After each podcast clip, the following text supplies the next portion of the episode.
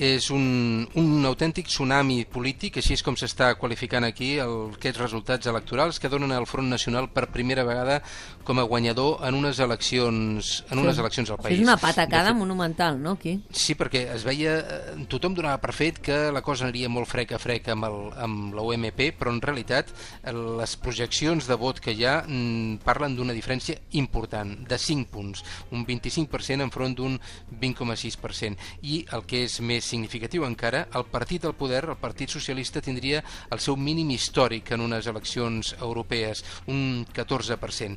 I davant d'això, el que ja ha sortit a demanar directament Marine Le Pen és que es dissolgui l'Assemblea Nacional, que es convoquin eleccions per adaptar eh, diguem, la cambra de la representació del país a la seva realitat política mm -hmm. del moment, que veu, a més a més, que està ratificada pel resultat anterior de les municipals en què els socialistes també van tenir un molt mal resultat. Quina serà la resposta de l'Elisi? No ho sabem. De moment sí que ha transcendit un comentari de fonts eh, oficials de, del Palau Presidencial en què es diu que s'han de treure lliçons d'aquest esdeveniment transcendent, d'aquest esdeveniment major.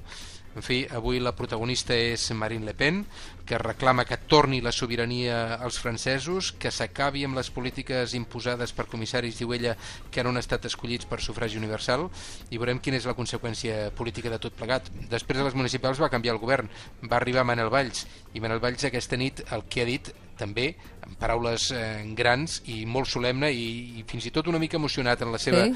en, el seu, en la seva intervenció ha qualificat de terratrèmol el que viu avui França un moment molt greu pel país una crisi de confiança profunda de la qual cal sortir-ne